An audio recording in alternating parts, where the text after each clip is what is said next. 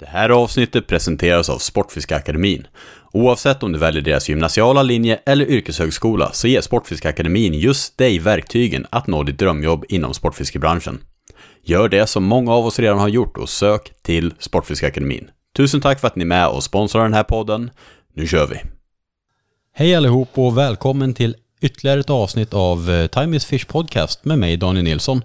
Det här blir faktiskt ett lite improviserat avsnitt för eh, jag är i Sandefjord i Norge och jag har varit hos eh, Skittfiske på, eller Shitfiske faktiskt heter det, eh, på en eh, demodag, den första demodagen på, på flera år på grund av corona.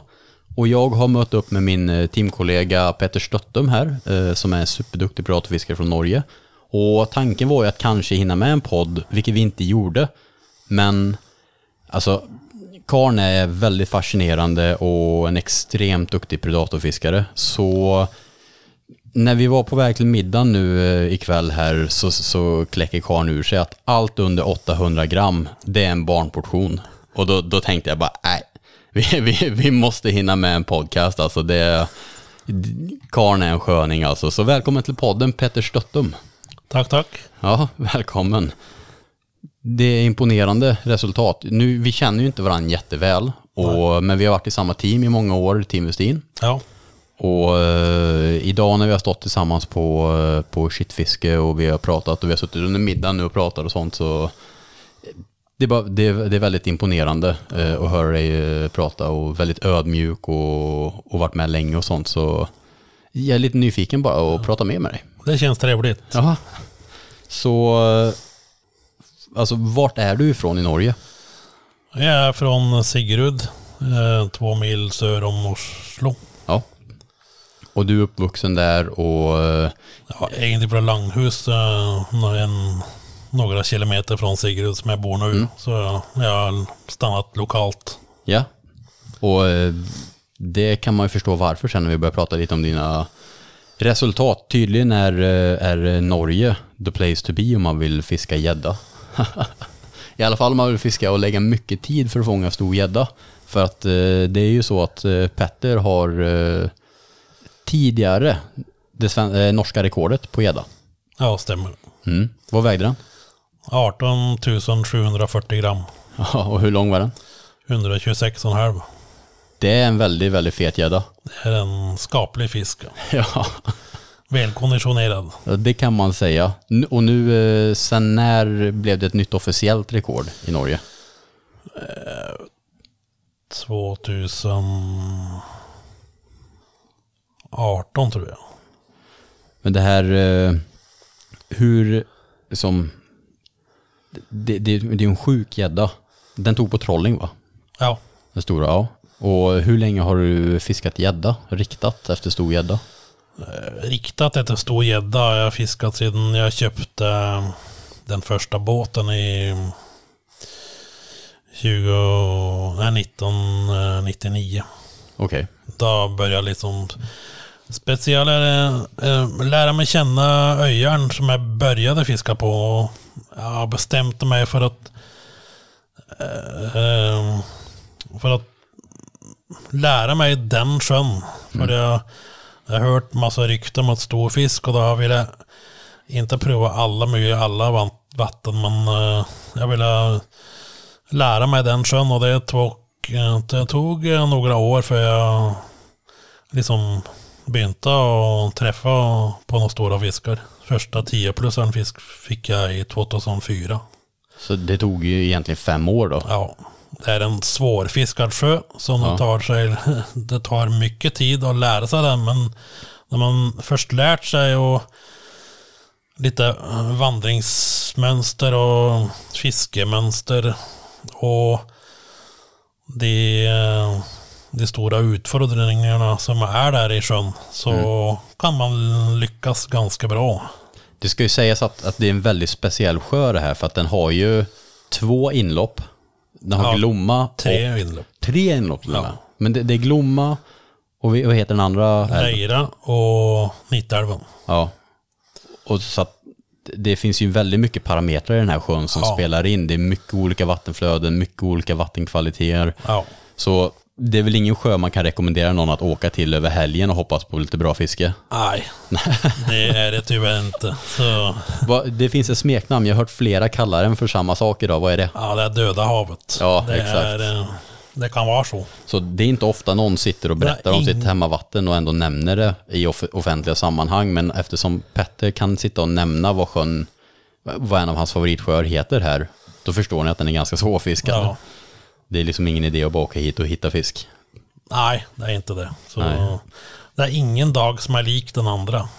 Och det är väl någonting som karaktäriserar fiske ganska generellt, men det känns ju så ännu mer på den här, för om man med tanke på de extrema vattenkvalitetsförändringarna och strömmarna som, som är i sjön. Ström och vind och nedbör och sådär som inverkar oerhört. Och sen är den väldigt speciell också för den har ju ett, en, eh, ett bestånd med nors som är ganska likt den i Vänern. Med väldigt stora, hur stora kan norsarna bli i Öjern? Ja, 40 till 45 centimeter Ja, det har är- jag sett. Det är helt sjukt, det är, det är ju typ större än vad de är på Vänern. Ja. Och Vänern är ju väldigt unik. Så det där är ju någonting eh, väldigt speciellt faktiskt. Ja, för jag har följt med på några som har följt, fi- provfiskat från eh, biologer som har provfiskat där och de har sett rapporten som de har under provfiske och försöksfiske. Och Då har jag fått info om vad som finns av olika betesfiskar och storlekar. Och vad är det för någonting? Är det, är det främst eh, nors du tror att de äter? Eh, nors och sik och braxen. Ja, det är de tre Och huvudkomponenterna. vissa perioder på hösten så är det abborre. Okej, okej. Ja. Men det är också, det finns ganska mycket gös i sjön, eller hur? ja, mycket gös. Och eh, gös och gädda brukar ju Och sällan... lake sådär. Så. Ja, just det, det är det också. Mycket Ja. lake. Stor lake. Mm. Det är en väldigt speciell sjö, en, en unik sammansättning. Och det är både stora lerbanker och det är gräsområden och djup. Alltså den är djup, den är typ 70, cent- 70 meter va? Ja. Ja, det är en väldigt speciell sjö. Så det är eh, häftig, häftig liksom, sammansättning av olika parametrar. Men hur, för att jag kommer ihåg gamla artiklar med dig och, och då var det ju inte gädda, eller hur? Då var det någonting annat du fiskade innan eh, gäddan blev huvudrikt. ja, det var abborre som var mitt, eh, mitt stora Ja, potential. Och, och där ska tilläggas att du också har eh, en ganska sjuk, sjuk bakgrund när det kommer till abborrfisket. Alltså det är en väldigt imponerande meritlista. Vad, när började du fiska? Vi, vi kan börja överhuvudtaget med att bara, alltså predatorfiske i Norge är ju väldigt underutvecklat. ja. Eh, och en, en väldigt liten del av de som fiskar i Norge fiskar predatorer, utan det är mer havsöring, lax och havsfiske, Ja. om man ska se det generellt. Så eh, om vi bara, lite intressant, hur kommer det sig att du fiskar predatorer när alla andra i Norge fiskar havsöring? Ja, det väl, eh, jag var väl med min farsa och fiskade lite predatorer i de lokala sjöarna när jag var mindre. Mm. Jag åkte med och ja, vi fiskade abborre och lite grann gädda. Okej. Och eh, det, det var så intresset växte till liv liksom. Och Ja. hur gammal var du när ni började fiska? Ja, Det var första gången jag åkte med och jag fick mitt första spö när jag var fyra år. Mm. Och då var det öring. Så, men Ja, klassiker. ja, men eh, mm, min farsa tog mig med på fiske sen jag var ja, åtta, nio år. Hade vi metade och metade abborre och, och stort sett mete. Okej. Eh, han var duktig på att meta i, i sjön. Och sjön, alltså det är havet. Ja, havet på Ja. olika arter. Det var min farsa duktig på. Okej, okej, ja. Eh, men så var det liksom jag och min, eh, några kompisar och vi började, de hade båtar och vi åkte ut och fiskade torsk och sjöring och lite olika. Eh, och det är väl det fisk, trolling, fiske efter sjööring och diverse havslevande eh, levande arter som jag har vidare utvecklat eh, som trolling, eh, old school trolling efter eh, efter gädda. Mm. Jag brukar eh, långsläp efter eh, rakt bak båten och trollar med wobblare. ja. Är det så du har gjort mycket tidigare? Ja, mycket det. Ja, Och det har gett resultat. Så Det, Så det har det- varit ett vinnande koncept. Ja, det har det. Ja. Så det gör jag fortsatt. Så, men det blir mer och mer spinnfiske nu framåt. Så Mm. det är liksom... Ja, det, det ger mer och mer spinnfisket. Jag kan tänka mig att trollingen kan väl ha varit ett bra sätt att lära dig Ja, för det, sjöarna på. Ja, det har det. Så jag kan börja trolla ett område och så kan jag se åt fisken står och betesfisken och rovfisken och så kan jag plocka fram spinnspö Mm. och spinna av områden. Det där är någonting, eh, det är flera duktiga pred- predatorfiskare. En vän till mig, en teamkollega till oss, Tommy Magnusson, är ju väldigt duktig på det där att, eh, eh, att kombinera trollingfiske med spinnfiske. Och det är väldigt, alltså det är ju väldigt intelligent att göra det för att då, då, då får man en väldigt bra blick under tidiga delen på dagen. Och sen kan man eh, övergå till att pinpointa områden på eftermiddagen. Och det är sjukt effektivt. Ja. Eh, Det, det är någonting som jag tror att eh, många kan, många som tycker att de bara spinnfiskar och sånt, alltså, det där är någonting man kan anamma i fisket och det är många som skulle kunna få ut mycket av att göra så. Ja, man blir känd. Man, jag har inte haft något sånt luxuriöst eh, ekolodd och sådär. Så jag har haft ganska simpla ekolodd. Men jag har liksom kört vissa områden och, och lärt mig och lagrat det på harddisken i huvudet. Att, eh, var man är och hur djupt det är och sådär. Och, och, vissa, och haft sån landmål och sådär. Och, Mm. jag har inte haft några kartplottar och sådär så jag har bara lagrat det på harddisken och Det är ett riktigt gammal eh, så här hedligt fiske. När man tittar på den där masten och det, och kollar man på andra sidan sjön så är det trädet och så kollar man söderut så ser man någonting annat. ja, ja. och så man liksom man, må ju, man måste tänka sig var i vattnet betet rör sig, vilket djup det rör sig och i vilken fart eh, det har bäst eh, beveglighet och Beveglighet är eh, gång. ja, gången på det. Ja, så, exakt. Jag får översätta lite grann ibland här eh, för att... eh, och så är det det med vindriktning och, vad- och sånt och sådär som spelar in. Och, ja, då, och hvis man lyckas med det så fortsätter man med det. Så, Något som, eftersom du nämnde med fart och sånt där, och jag tänker mig speciellt med öjaren om det är så himla strömt i den. Något som, som jag tycker när jag trollingfiskar både lax och sånt på Vättern som är väldigt strömt. Eh, om man bara går efter GPS-farten, det är ju väldigt eh, risky för att då kan det visa väldigt, det, alltså det kan visa snabbt åt ena hållet och långsamt åt andra och om man alltid ligger i en konstant fart i en sjö som är ström eh, på GPSen, då betyder det ju oftast att betet går väldigt snabbt ibland och ibland går det väldigt långsamt. Är, är det där ett, eh, någonting som du har fokuserat mycket på att försöka eliminera så att du har betets fart genom vattnet som huvudsakliga utgångspunkt? ja, det kommer lite an på eh, eh, vindriktning och vågor och, och så lägger man in svänger för att eh, eh sacka in betarna i innersvängen och eh, sätta fart på betarna i yttersvängen. Okej, och så, ja. Speciellt när man träffar en grund eller sådär så Så, kan det så, vara giftigt. så du sitter och jobbar mycket med, med zigzag liksom för att, för att få olika fart i beten? Ja, i vart fall visst det Ja, enkelt områden så är det sådär. Så, Mm. Ja, intressant alltså. Eh, och sen, eh, vad sa du? Och så är det och så är det, kommer det an på vilket bete man kör med. Mm. Så jag kör ofta ett eh, grunt, ett djupt, ett grunt, ett djupt, djupt bete som, som går lite försäljligt. Alltså kör du på typ ytterparavan ett grunt och i mitten paravan ett djupt? Och, alltså, Ja, det jag kör alltså? ju ofta med, utan paravaner på wobblers. Okej, du kör dem bara bakom båten? Ja, Jaha, okej, fortfarande. ja. Det är häftigt. Hur många spön brukar du använda samtidigt? Aj, två till fyra. Och du kör bara bakom båten? Efter, ja, eftersom eh, vår hard vind där. Är det mycket vind så kör jag med två. Det är imponerande. Det, det, det hade jag ingen aning om. Det är väldigt eh, unikt ändå. För Alltså, att alltså, standard är ju sex spön typ. Ganska långa släp sådär som typ 50 till 70-80 meter. Ja, du kör så långa släp. Ja. Kör du nylon eller flätlina? Eh, nylon på Ja. wobblers. Det Men- tycker jag låter eh, logiskt. Jag kör också gärna nylon på trollingen. Alltså Eller, det, Kör med gummi, shader och sådär så, så brukar jag paravaner och flätlina. Okej. Hur kommer det sig att du inte kör paravaner på, på gummi eller på, eh, på wobbler då?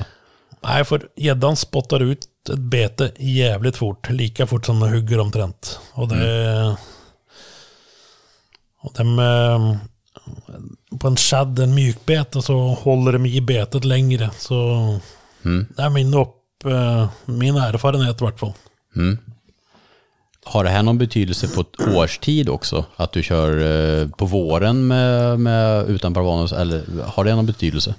Ja, kommer an på var i sjön, var fiskar man, djupt eller grunt eller... Mm. Är det på efterläcksfiske och sådär så kör man grundområden. Och då kör jag i slowtrolling med gummibeten och På efterleksfiske? Ja. Okej, Eh, för jag har läst någonting om att du kör, jättegärna kör alltså typ eh, väldigt, väldigt grunt med paravaner och gummibeten. ja. Och hur, eh, hur är din setup då och när gör du det liksom? Är det innan eller efter lek? Ja, det är eh, efterleken. Okej. Och så är det, så här, är det korta släpp bakom paravanerna då? Ja, det det är ju ofta på en till en och en halv meters djup så där och väldigt nära paravaner. Så vi har Okej. ofta paravanhugg. Fasen vad häftigt alltså. Det är coolt. Ja. Och sen, eh, ja, vad coolt, men nu- du gör inte det innan leken också? Att du kör runt så sakta och grunda områden och sådär eller? Nej, för det är ju, dessa områden är ju fridlysta innan lek. Jaha, okej, ni Så- har sådana föreningsområden och Ja. så? Ja, okej, okej, det är Och där är såklart. det reglerat eh, vattenstånd i den, speciellt den sjön då, som jag fiskar mest i. Som en, Mm. Coolt. Ja, men då är det ju fränt att man kan köra efterleksfiske på det här sättet. För jag vet, det är ju eh, rätt mycket, det är rätt vanligt i Finland va, att köra så här eh, eh, korta släpp och köra ganska fort med hårdbeten inne i grunda vikar och sånt där. ja. Det, det är väl en rätt uh, utbredd metod eh, vad jag förstått det som. Jag vet Christian Keskitalo gjorde en artikel om det där för några år sedan, eh, finska trollningssättet där. Korta släpp och höga farter. Typ reaktionshugg eller någonting. Men jag kör ja, slowtrolling där det är 1 till 1,3, 1,4 konop. Sådär. Ja, häftigt. Vad heter det? Men hela det här med eh, dels ganska unikt att du kom in på predatorfiske tidigt och sen eh, just det här med abborrfisket. Eh, För att det är en sak att tycka det är kul att fiska abborre, men du tog det ju ett steg ganska långt fram. På, alltså det här är början av 90-talet va? Ja, jag började fiska. Jag började fiska abborre på ja, mitten av 80-talet. När jag köpte ganska massivt med jiggar från Mr. Twister och sådär. Som Okej. jag, jag, tillfälligt så kom jag över en, en eh, annons. En som sålde jiggar. Okej. Och då köpte jag några tusen.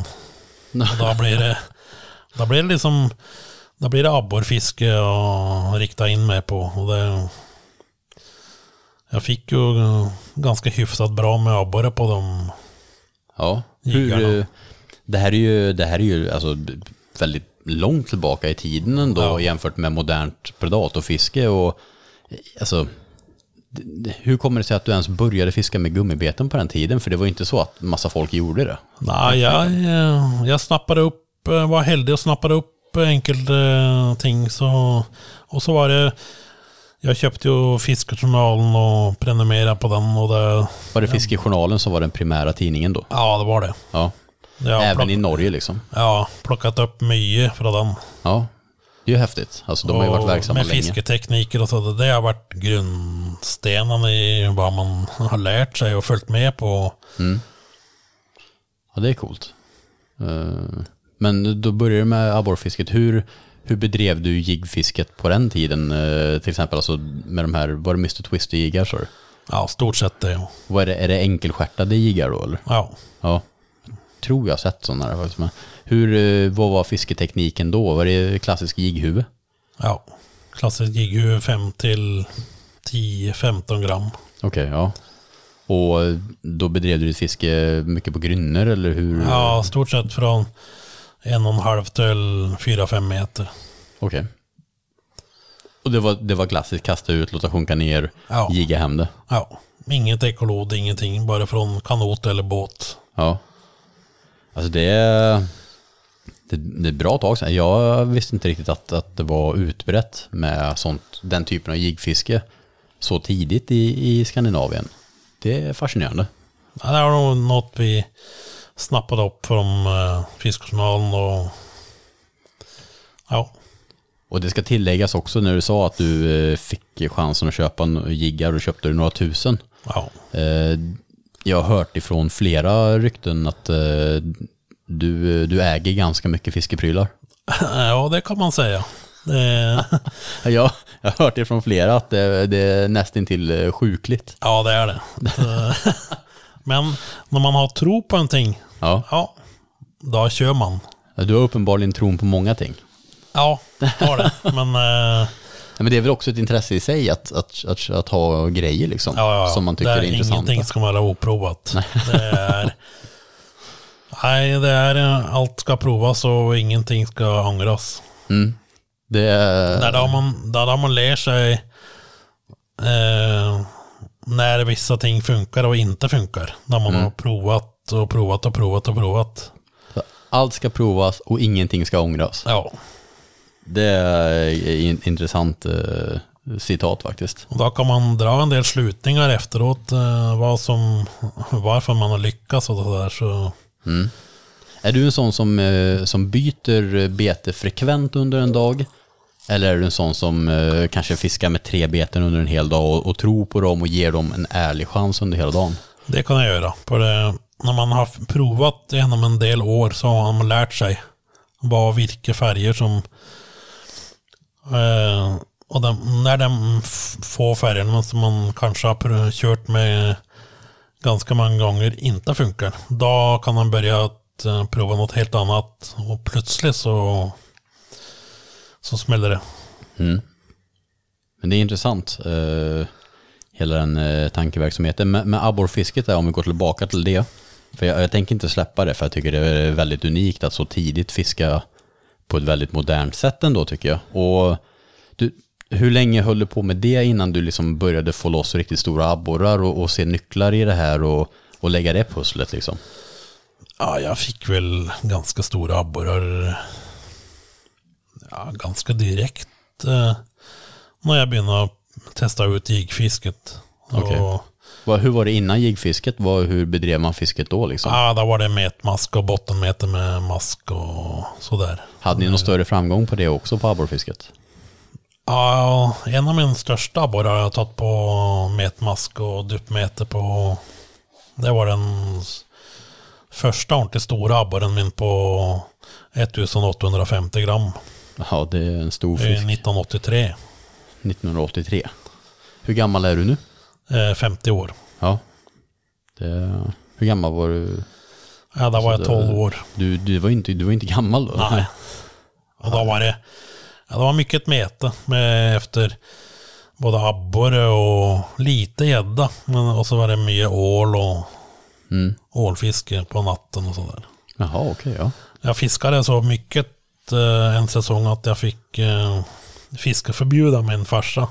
En hel månad. Det var ett hårt slag. Och det, Och vad- gick, det gick ut över skolan. Så Vad tyckte han? Att du, han tyckte att du skulle fokusera mer på skolan istället? ja, ja, men eh, det, jag lurade mig undan några gånger. ja, det är imponerande. Eh, Men då, då la du mycket tid på abborren under rätt många år va? Ja, Och eh, du lyckades ju fantastiskt. Eh, Hur stor abborre har du fångat här i, i Norge, i Insjö? jag har fått eh, en över två kilo på 2225 gram. Ja, det är liksom det är ingen, Sommarfisk. Så, ja, och det är ju ingen sniptvåa. Hur lång var den? eh, 54,5 centimeter. Ja, och en bra bit över två kilo liksom. Ja. Det är ju helt en sjukt stor fisk. Är, är abborrarna generellt eh, här, eh, för jag vet i Värmland och Dalsland och sånt, generellt sett är det ganska långa och smala abborrar. Eh, har det smittat över sig till Norge också eller? Ja, I vissa vattenbassdrag eh, så är det långa och smala. Eh, de jagar väl mycket pelagisk och sådär. Men eh, i enkelta vassdrag så är de väldigt högryggade och bukstinna. Mm. För det, det är ju... Är, är du en eh, stark, har du stark tro på genetik? Att vissa har anlag för... eh, Ja, Ja, det, det är jag är så. också. Ja, det, det, det märks ju på vissa ställen och sånt att det går inte att förklara på betesfisk och sånt. att De har anlag för att bli höga och tjocka. ja. Helt eh, korrekt. Men fantastiskt med abborrfiske, det är kul. Och, och sen, eh, hur kommer det sig att du halkade in på gäddspåret mer igen då? För att det här, när fick du den här stora abborren på 2 och 2? Eh, Det var i 2001 tror jag, som var i juli. Jaha, okej, det var ändå eh, på 2000-talet och då, det var ungefär där någonstans du, som du hade skiftat till gädda mer också. Ja, Mm. Och då började du skifta över till gädda mer. ja. Eh, Det var då jag hörde eh, ja, rapporter och rykten om någon öjaren som jag liksom har ja, riktat in mig på. För att eh, knäcka koden och ja, specialisera mig på den sjön. Jag vill hellre, för det är så pass speciell sjö som, så det är så mycket variabla möjligheter där så Mm. jag har inte utforskat så mycket andra vatten. Men eh, Det är väldigt imponerande. Du har lagt så många år. Hur, hur, hur, hur ofta skulle du säga att du fiskar vanlig isfri vecka? Fiskar du två dagar på en vecka? Ja, det är mest helgerna. Ja. Och några kvällar sådär. Så visst man... eh, Men det, det är frekvent ganska... Men, det är eh, mycket tid alltså. Ja, det är så fort man har ledigt eller så för jobbet och, Mm. och förhållandena är bra. Så Ja, för det är ändå en ganska lång, lång smal sjö. Det finns ju, det Ja. borde kunna bli ganska stökigt på den sjön. ja, det kan fort bli stört en hel månad. Visst man är riktigt oheldig med mycket nedbör och vind och sådär så Att det blir helt enkelt för grumligt i vattnet och så. Ja. där man, där man åka till andra sjöar. Och det är imponerande att, att lägga så mycket tid på samma vatten. Och, men som sagt, den är väldigt speciell den här sjön. Den har mycket variabler som andra sjöar inte har. Som gör att den blir en väldigt dyna- dynamisk sjö skulle jag säga. Ja, När fick du din första stora gädda? Som du kände att det här, oh wow, det här är en stor gädda. ja det var i 2004. Och det var, vad vägde den? Ja, den vägde 11,52. Ja. Det, var, det är ju en stor gädda. Hade du fått mycket gäddor, liksom stora gäddor innan, så här 8 kilos, 9 kilos här innan? Och, Jag hade fått några på ismet och sådär så... Men var, var det den som liksom väckte ditt storgäddfiske ännu mer? Liksom att det, Det, var, är, det, det var det.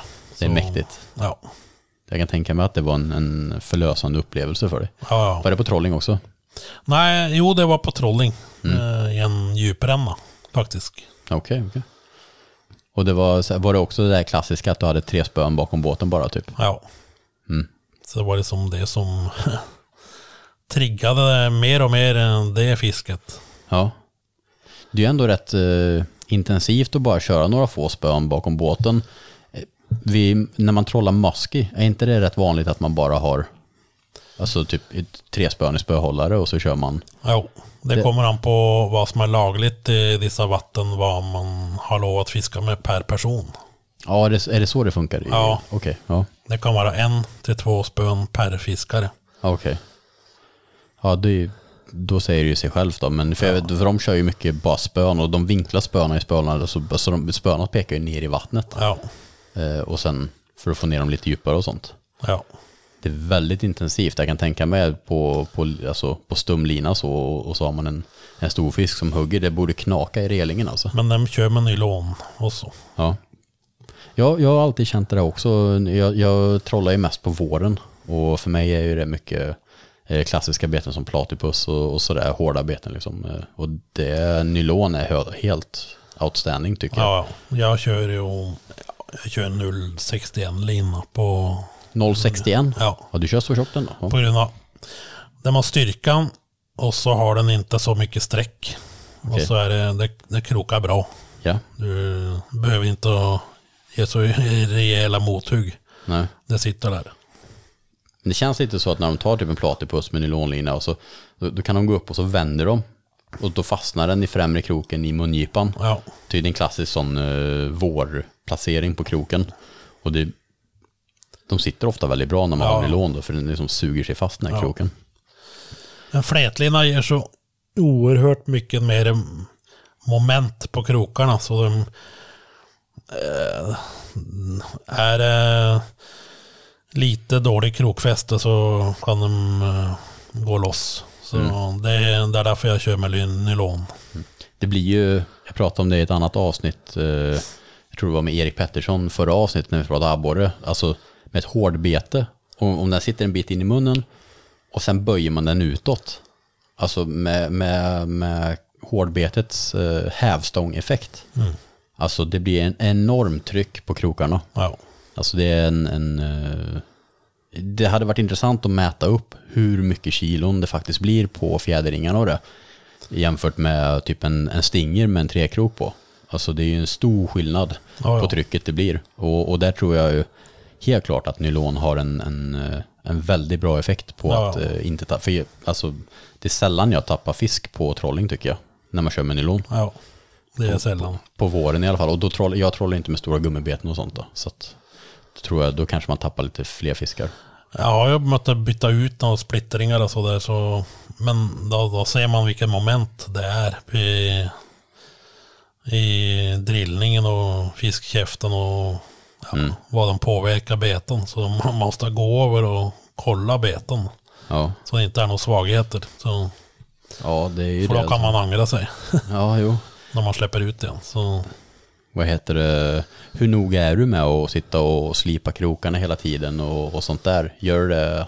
ja, visst har jag varit i botten och sådär så kollar jag över och kikar. Jag har, jag har något, eh, något typ ett eh, tics för mig. För jag, efter, när jag fiskar gädda en dag eller två dagar så har jag sår över hela, eller små, små hål över hela tummarna och fingrarna. För jag står, alltså mellan varje kast och kollar jag typ krokarna. Och det, Ja. är- det, det är inte ens, alltså jag tror inte ens jag reflekterar egentligen. Jag gör det bara per automatik. Ja, så att jag får man- ju stora sår i hela fingrarna när jag fiskar När man har fått en fisk så kollar man Ja, jag- krokarna. Så det, Så fort jag tar betet i handen så gör det, det är lite som ett tics jag det gör. Att går jag känner, automatiskt. ja, så att jag, jag, har, eh, jag har slutat använda finger, eh, vad heter det? Eh, Finger, vad heter det? Du vet, med fingertrycksläsaren på telefonen. Ja, ja. Den som läser av finger, fingeravtrycket. Eh, För att det funkar inte för att eh, perioden när jag fiskar gädda då kan den inte läsa mina fingeravtryck för att jag känner på krokarna hela tiden. Så jag eh, har blivit utlåst från min dator både en och två gånger faktiskt. Ja. Så att, eh, det fick jag sluta med att använda det där. Gäddperioder var inget bra för mig så. Men du fick din första riktigt stora gädda 2004. Och sen har det blivit ett gäng sedan dess. ja. Det, eh, n- när kom eh, nästa gen, alltså, när kom nästa genombrott inom gäddfiske för dig? För att det är ändå rätt länge sedan 2004. Det måste ha hänt någonting eh, Ja, så var det några år med uppehåll med stor fisk. Det var väl 2008 tror jag. Det började bli lite grann. Ja, Det var nog min femte fisk över 10 kilo som var min första 15 kilos. Okej. Var det 15 då kilo det? redan då alltså? alltså? Ja, det var det var den på 15 och 3 som jag egentligen, då hade jag inte tänkt att köra göstrolling. Ja, det var på gösfiske alltså? Ja, var sent på kvällen, och halv tolv tiden på kvällen som de klippte till. Så Ja. Hur lång var den?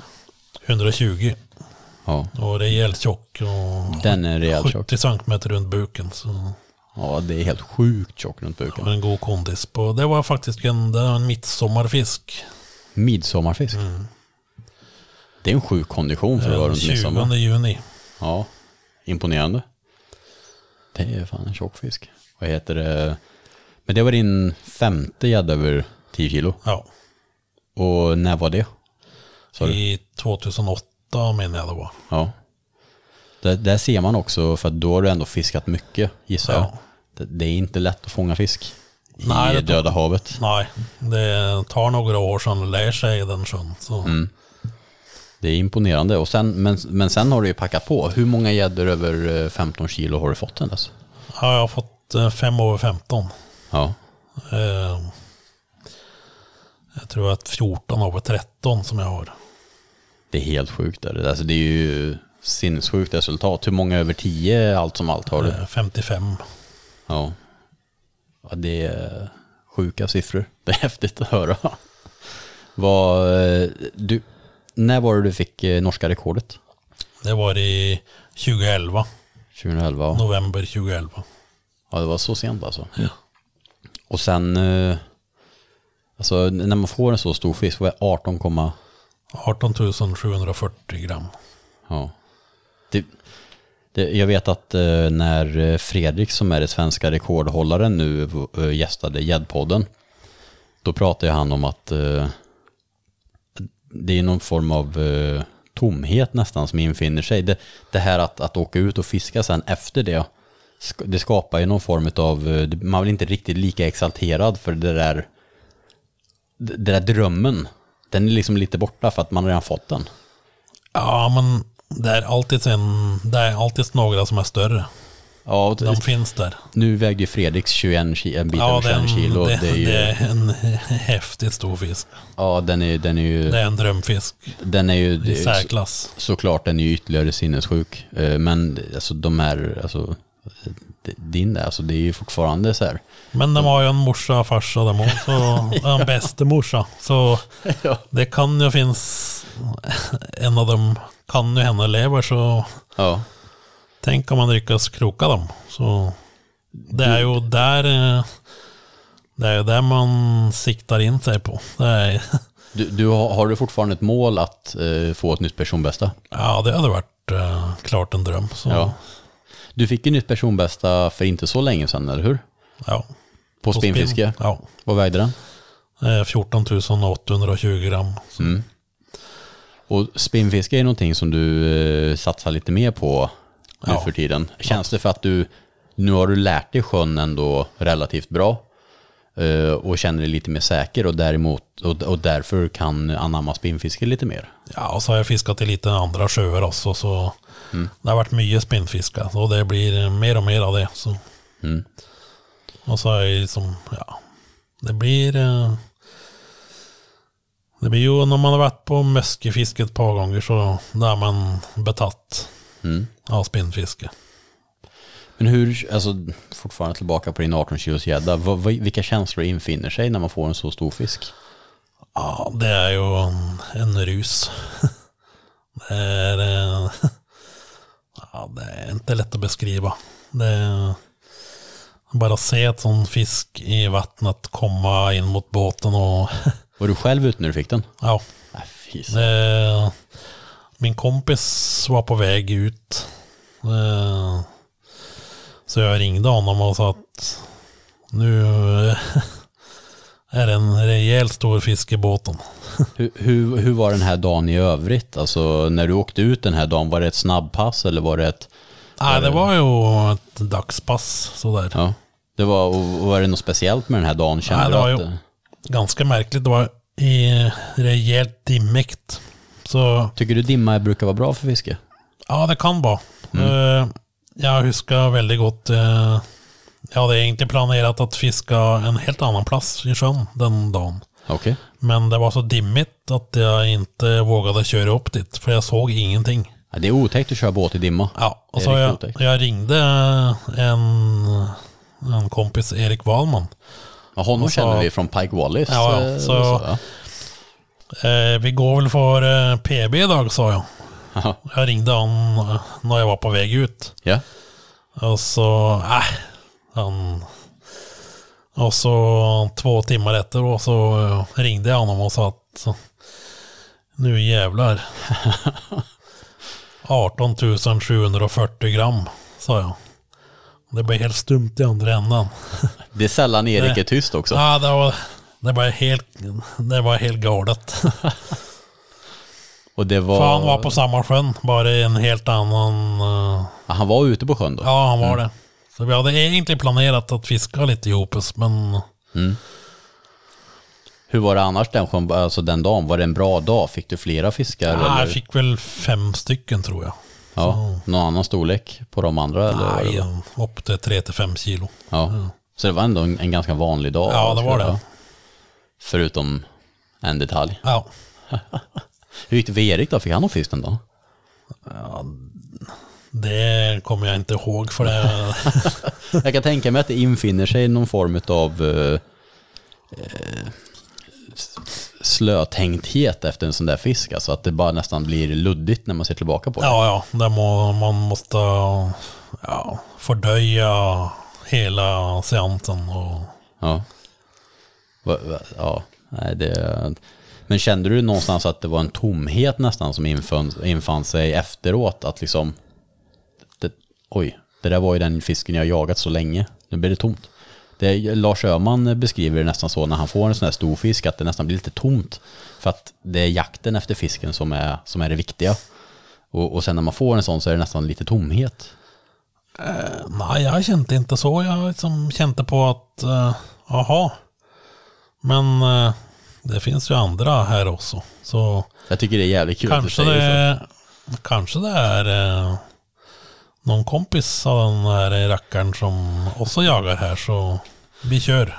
Du, du bara skickar ut grejerna igen och fortsätter trolla. Ja, Jag, jag skulle det- faktiskt inte kunna ha den eh, sinnesnärvaron tror jag. Hade jag fått en sån där drömfisk så hade jag nog eh, antagligen bara lagt mig i båten och stirrat upp i luften.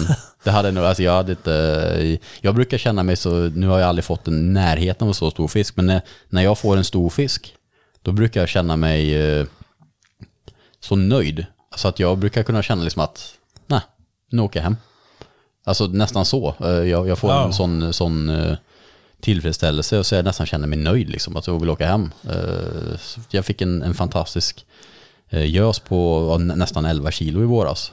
Och, och efter den så sa jag bara till Berra som jag fiskade med, för vi skulle fiska två dagar, jag bara nej, vi åker hem idag. Ja. Va?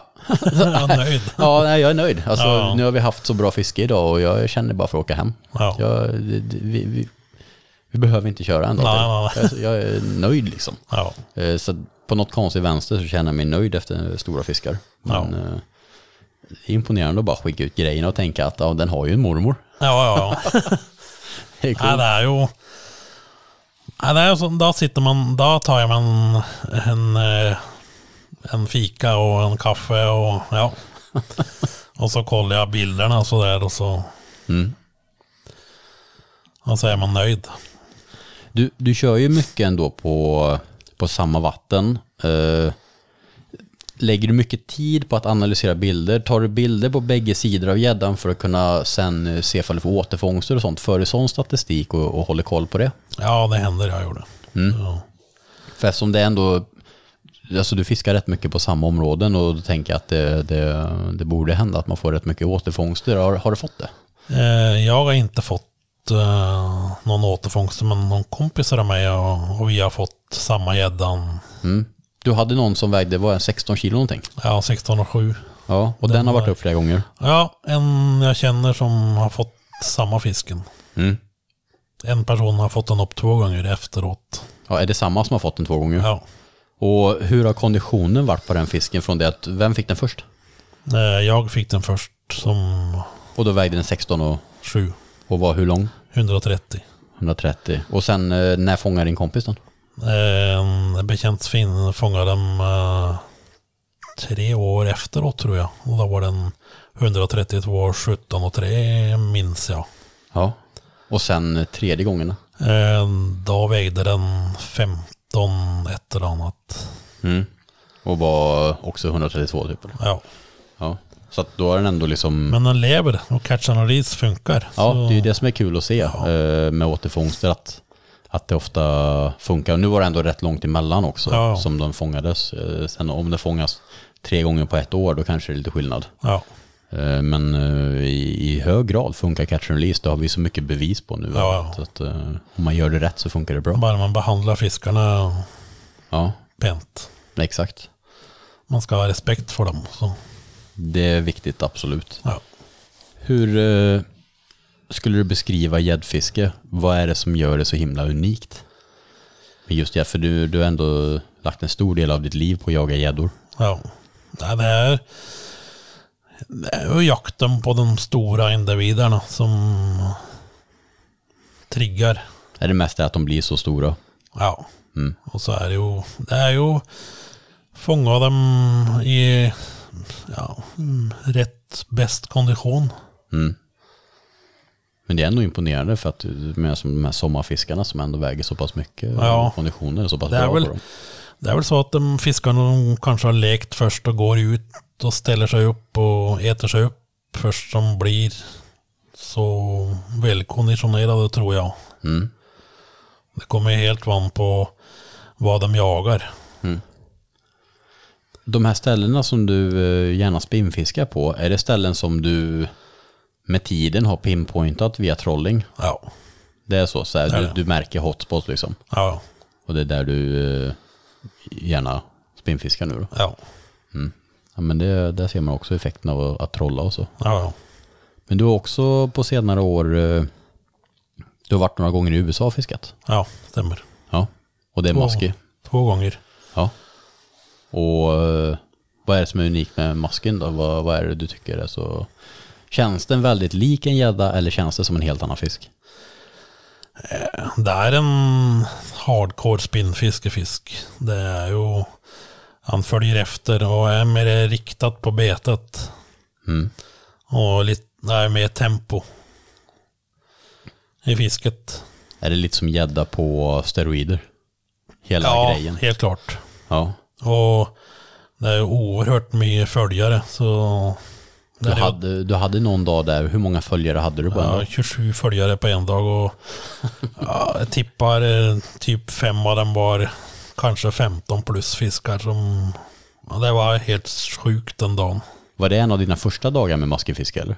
Ja, det var första turen. Ja. Eh,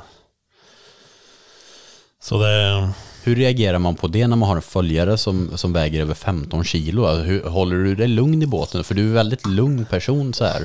När man, när man träffar dig. N- när du har en fisk som är efter, ballar du ur totalt då eller? eh? Nej, det, man måste bara fokusera då. Bara prova att trigga den fisken till hugg. Och, Blir man så fokuserad så att man liksom bara, ja, man lär sig det av guiderna. Eh, Du får klar besked om vad som funkar och inte funkar. Så, och då gör man som man får besked av guiderna. Och vara fokuserad och göra rätt som möjligt. Och en av de tingen som är viktiga att huska på det är att eh, inte göra tillslag uppåt. Det är bara... inte göra mothugg uppåt alltså? Nej, det är rött kort. Okej. Det är kun sidlängs. Just när man har RV figure 8 du pratar nu. Ja, eller när man krokar fisk i det helt att bruka kroppen som väktstång och bara bända emot så mycket man orkar. Okej, och det, okej. det har jag gjort på gäddfisket också och det funkar fjäll. Ja. Hur kommer det sig att man ska göra det? Är det för att man tappar energi när du lyfter linan eller? Ja, är det... det? är eh, att man har mycket mer kraft i mothugget när man drar sidlängs. Okej. Och det är när man kör eh, uppåt så eh, ja, man får säga att då tappar du muskeln. Mm. Det känns också, om, om man bara tänker lite på den estetiska aspekten utav det, så om man lyfter spöet uppåt, om du har fi- linan riktad rakt ifrån dig och spötoppen neråt, om man lyfter uppåt, det är en ganska ineffektiv rörelse, för det är mycket rörelse, det är inte så mycket flytta linan kanske, Nej. egentligen, men om du skulle bara stå och veva ner och sen bara fortsätta med linan åt rätt håll ifrån fisken, så är det ganska mycket mer effektivt faktiskt, Ja. som du säger, och, och, och vrida kroppen istället. Ja, ja, du får mycket mer kraft. Ja, det är intressant. Och du har, du har anammat det här lite på gäddfisket också? Ja, ja. Jag har kört en mäskefisketeknik på gäddan och jag har faktiskt fått gädda på figure eight. Ja, det är så. Eh, inte flera runder men det som de har tagit på runda två liksom. Så Då har det ändå gett mening. Då, Ja. då betyder ju figure Ja. någonting. det är på grund av att när man fiskar efter möski så har man eh, betet eh, längre ned i vattnet eh, när du kommer närmare båten. Om visst du provar det på gäddan, kör samma metod, inte bara lyfta upp betet. För det, när du ser följaren på en gädda, då är det för sent. Ja. Men hvis du, hvis du lär dig att köra en figure eight, eh, då kan du se eh, flera följare som du kanske inte har sett eh, förut. Bara när man lyfter upp betet. Men eh, kör en figure eight och så plötsligt så kan du ändå se flera följare som du kanske inte hade fått eh, syn på i det hela taget. Och Så- ibland är det ju väldigt viktigt att bara få syn på fisken. Ja, ja, även om ja. den inte hugger. Men Ja, då, ja. då vet jag ändå att den är där. Men där är Det var ju en speciell dag på, för två år sedan på, ja, jag vet inte hur många följare jag hade på spinn, men det var hur mycket som helst. Men Det var en dag som gäddan var lite petiga. Okej. Och en av de följarna var riktigt stor. Och det här var i Norge. Alltså det är i Ja, Norge. det som var, ja. Så, Och det var figure eight du körde mycket då? ja, man gör, jag har lärt mig att jag kör en figure eight, eller i vart fall kör en runda med beten ner i vattnet när man kommer närmare båten så det funkar alltså. Så. Det är häftigt där. Gäddan är ju inte så, så fokus den eh, på betet som mäsken. Men, men eh, visst du ja, kör betet som eh, eh, lite ner i vattnet och inte bara lyfta upp den så Ett bra tips där är, det var, ifall det var någon i Rygen som lärde mig det för länge sedan, men eh, jag kommer faktiskt inte ihåg vart jag lärde mig det, men eh, jag har tagit en sån här eh, en, en markeringspenna ja. och så har jag målat typ fyra meter upp på flätlinan och målat en sån, eh, en hel lång eh, svart markering på linan som syns jättetydligt. Så när jag står och vevar eh, och så kommer den där upp i spöringen, då vet jag att betet är ungefär fyra meter från båten. Ja. Och då kan man göra ett spinnstopp, man kan trixa lite med betet. Och jag har faktiskt fått flera gäddor. Och eventuellt kanske köra upp hastigheten. Ja, man, men bara att man ändrar någonting Ja. oftast. eh, För då, och då, då, då kan vet det man. komma ett hugg. För ofta tycker jag vid gäddfiske, när du väl har sett fisken, då är det i stort sett för sent Ja. kanske. Eh, så att eh, det kan också vara ett bra tips då. Eh, men det här med figure eight är väldigt spännande. Det är kul att du säger att, för annars så tycker jag generellt sett går ju snacket så att figure eight funkar inte så bra på gädda. Eh, det är ju det generella snacket. Nej, men man måste, man måste lära sig figuraten. Ja, Det är det som är, och den är, det är inte bara att eh, köra ett 80-tal. Nej. Det- Man måste göra det riktigt. Ha rätt längd på tafs. En kort tafs. Sån som möski tafsen är eh, si- typ 30 centimeter. Och så kör man eh, cirka 30 centimeter till med lina från spötoppen. Det är cirka 60-70 centimeter totalt ner till betet från spötoppen. Då är det mest eh, bästa bevägelsen och eh, tekniken på att göra en eh, riktig figure eight. Finns det någonstans på YouTube eller någonting, nå nå så här eh, figure eight tutorial som du skulle kunna rekommendera någon att- att att söka på? Ja, det är bara att sö- söka på Mesky och figure eight. Så. Finns det någon speciell, eh, någon speciell kanal eller någonting på YouTube som du speciellt tycker om? Ja, det är väl eh, kanske söka på för exempel Mike Hulbert eller Jason Quintano och sådär. Okej, Eller Så- Pete Main. ja.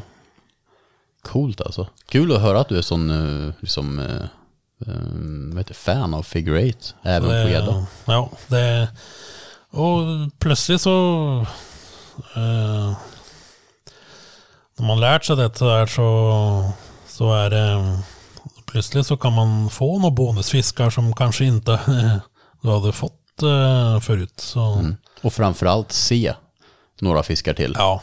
Vilket är, ibland är det lika viktigt bara att veta att de är där. För Ja. en, en hel dag och du har blankat och du inte sett någon fisk, då kanske man inte har lärt sig så mycket, men har du åtminstone sett dem, ja, ja. då vet du vad du har att jobba med. Och det ser du ofta på lådet också. Om det kommer en fisk uppifrån botten och stiger och så ser du skuggan av fisken på lådet. Ja, Och då vet du att du har fått en följd. Selv om du inte har kanske sett den. Så kasta blick. När du har fått betet upp på vattnet så kasta blick bort på skärmen och så. Jaha, det var en fisk där ja. ja. Har du någon Kör gång, ett eh, kast till och så kör du samma teknik. Kanske den hugger. du har aldrig provat att vet du, det, köra drift and deadbait eh, precis ifrån båten med ett, ett spö? Så att man, de här följarna eh, som man kanske inte riktigt ser, att de tar deadbaiten istället? Nej. något, du har aldrig provat det? Nej, inte aldrig. Nej. Va, varför det? För du må, har du tänkt på det? Jag har tänkt på det men Ja. ah, jag är lite betesfrik. Så Ja. Ja, apropå det, där, har du med, med tanke på din betessamling som jag hört så mycket om. Jag önskar eh, att vi hade kunnat sitta hemma hos dig nu. ja, I din, eh, är det i källaren du har allting? ja stort sett. Ja. Vad, eh, di- din samling med beten, alltså finns det, finns det något, du, du, du, du ser någonting du tycker om och så köper du det. Ja, Och det är bara, du bara fyller på. ja, ja det gör det. Så, sån har det varit sedan ja, slutet på 80-talet. Så Ja, du sa när du köpte de där första eh, jiggarna, då, då, då sa du ju här i podden nu att, att du köpte några tusen. Ja, det var en typ 5000 plus med jiggar som jag köpte första batchen. Så, när du skulle prova på jiggfiske? ja, ja. Det var liksom typ olika, Ja, där, där, där förstår det- man ju liksom hur mycket du tycker om att, att köpa beten. Ja. Alltså. När han skulle prova jigfiske lite på 80-talet så köpte han några tusen. Så huskar första gången jag, ja liksom, eh, det var för en internet och sådär så, ja, då skickade jag ett brev personligt till Kisko Kid-fabriken Okej. faktiskt.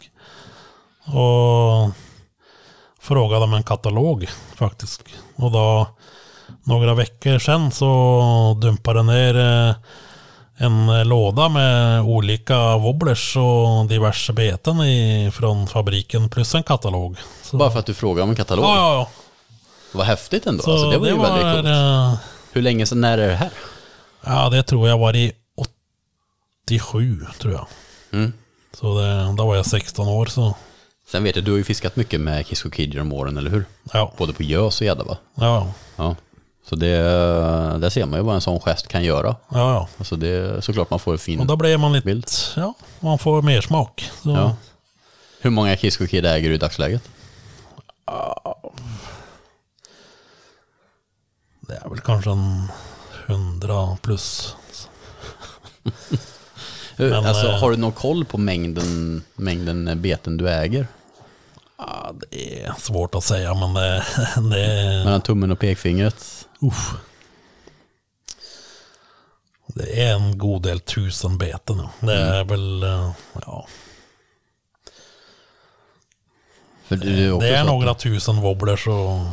Jag, jag har ju sett bilder när, när, när det kommer nya beten från Westin som du gillar. Ja, Och så jag har ju sett när du lägger ut bilder och du köper ju inte ett trepack. nej. Det är ju det är ju bulkpack. Ja, jag gör alltid det. Ja. Är det en chatty så är det bulkpack och det Ja, liksom, kan vara 12 eller 16 stycken. ja. Det är så det handlar. Alltså det måste ju gå nästan att bara öppna dörrarna och skaffa en kassaapparat och köra fiskebutik hos dig. ja, ja, det är... Nej, men om man har tro på ett bete så... Ja, då kör man. Vad skulle du säga är... eh, Har du något speciellt bete som eh, genom åren eh, som du vet att den där är speciell?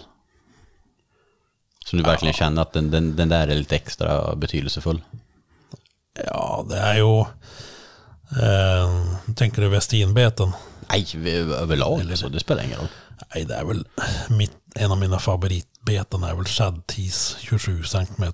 Och, och så är det ju ja, Mike the Pike. Eh, Monstertisen har gett bra resultat. Inte de allra största fiskarna, men eh, ja, jag tror på det betet. Och så är det ju Ja, det är ju andra fabrikanter som de Swimvis och Kisko Kid. Så där. Det Men, men jag- har du något så speciellt bete som du äger som, som är väldigt speciellt för dig, just det unika exemplaret? Eller som kanske den du fick din 18 kilos på? Ja, det är vidare? Är det den som är... Det är några Kiskvider som är eh, Ja. ja, och Swimbis faktiskt som är Ja, de är fridlysta. De har hamnat på någon speciell hylla eller? Ja. Mm. Eller ja, de är ju med. De eh, har ju varit med i krigen ganska många gånger. Men eh, Men är de pensionerade nu den där? ja, stora? än så länge så är de det. Så, Fridlysta som ja, sagt. Ja. det. ja, det är kul. Kul att höra. Vad heter det? Men maskifisket överlag, har du någon mer resa inplanerad nu? Nu har corona släppt och sådär. Och vad har du för... eh, Vad är dina kommande ambitioner med, med fisket? Har du, något, något, har du något drömfiske som du känner är att det där är verkligen... Ja, det är väl eh, angående en musketur så kanske det blir en tur i 2023. Mm. Förhoppningsvis. Vart, vart i USA åker du någonstans då? Vart är, Ja, där blir det till De- Detroit, uh, Lake Sinclair. är det Sinclair som är... Ja, i vart fall där när man känner de guiderna där så. Ja. Lust att träffa dem igen så fiska med dem. Är det någon speciell guide du skulle vilja rekommendera till någon? Ja, det är Mike Hulbert, Jason Quintano, Okej, ja det är de. Ja. Mm. det Coolt var alltså. Rick Vacasey. och- Vad har du för... eh, Chris för Button. okej. Vad har du för kommande mål med, eh, med ditt gäddfiske? Det är bara att, att fortsätta och, och försöka ta någon stor på spinn nu eller? Ja, det är det. Och då är tanken att slå ditt personbästa? Ja, Ja.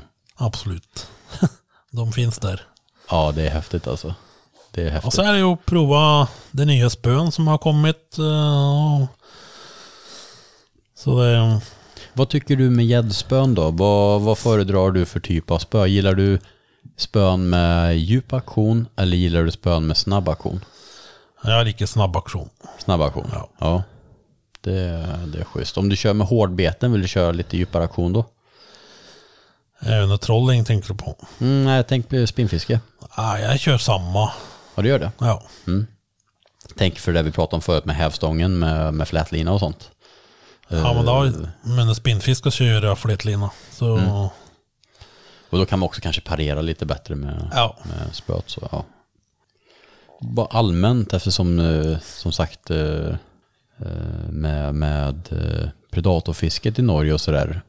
Du är inte inne på något nå havsfiske experiment nu för tiden och sådär och, och fiska kveite eller skrej eller något sånt. Nej, det är väl, jag har jag haft en dröm om att fiska kveit och sej och torsk och sådär. Det känns ju som att kveiten, alltså hälleflundra, är ju lite utav havets gädda Ja, på ett sätt. Man kan rikta är in sig på stora individer. rovfisk. Ja, och de lever lite solitärt. De kan också leva i stim också lite mer så, men det känns som att om man ska fiska en stor, det är lite samma samma som gäddfiske. Man måste lägga mycket tid på rätt ställen och, och hitta Ja. rätt individ. Det känns som att det kanske borde vara en utmaning som, som, eh, som är värdig Peterstötten.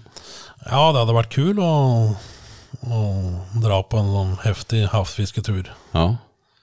Det finns ju många duktiga kamper i, i Norge, så det är ju bara... Ja, Men, ja. eh, senast idag så fick jag frågan om att ja, kanske planera en tur. Så ja. Coolt, kanske vi ser det med en hälleflundra framöver. ja, det kan det hända. Så, Mm. Men nu kommer vi se det framöver också i, eh, vet att du ska till Sverige en tur och kanske åka förbi Sporting och tömma hans lager på, på beten ännu en gång. Ja, det är nog några customfärger från Westin som kommer att åka med hem. Så, Ja. Det vet att du kommer förbi där och förhoppningsvis, jag kommer stå hos eh, Olssons eh, Sportfiske också i Tibro. De kommer ha en mässa, jag tror det var första april, fredag den första april kommer jag vara där. ja, Eh, och då, jag vet att du är i Sverige då. ja, Har vi lite tur kanske att eh, kanske du dyker förbi med Ole Maurits hjort. ja. Ni ska, Det har varit eh, kul. Ja, så det, vi får hoppas att det är dåligt väder så ni inte kan fiska då. Så Ja, att ni kommer ja. förbi och hälsar på. Olssons istället. Alltid trevligt att hälsa på. Ja. Men då tror jag vi har täckt det mesta. Vi skulle ju Ja. kunna nörda ner oss i allt ifrån knutar och så. Men det här avsnittet handlar lite mer om, eh, om, om dig som person. Som jag tycker att eh, kul att få, få lyfta fram. Ja. Du, eh, eh, under, som sagt, vi har ju känt till varandra under rätt många år, du och jag. Men eh, eh, idag är första dagen som jag verkligen har fått liksom bekanta mig med dig. Ja, Och det är en det är ett, ett sant nöje. Och det här är något som är fantastiskt med, med mitt yrke och, och, och så är att man får träffa så himla eh, duktiga människor och, och imponerande folk med, med fisket. Och du är helt klart en av dem. Jag hoppas att eh, folk har fått en liten inblick i, i vad jag har fått idag. ja, tackar. Och det är jättekul att du ville vara med med din Ja. tid. Och nu eh, ska vi gå ut och vi sitter på hotellrummet här nu i Sandefjord och, och nu eh, ska vi gå ut och möta upp de andra igen för de är någonstans och, och väntar på oss efter middag. Ja. Ska vi göra. Så hörni, tack så jättemycket eh, mycket för att ni har lyssnat. Och eh, vill ni veta mer om eh, Petter så kan ni hitta honom på, vad heter du på Instagram? Petter Stöttum eller vad heter du på Instagram? Ja, Heter du? Petter Stuttum. Mm. Bara Petter Stöttum eller Petter Westin Fishing eller någonting? Nej, Petter Stuttum. Mm. Det kan man söka på med ett eh, norskt ö. Ja, Ja, exakt. En sån där eh, låtsas-ö. Hörru Petter, tack så jättemycket och tack så jättemycket för att ni har lyssnat.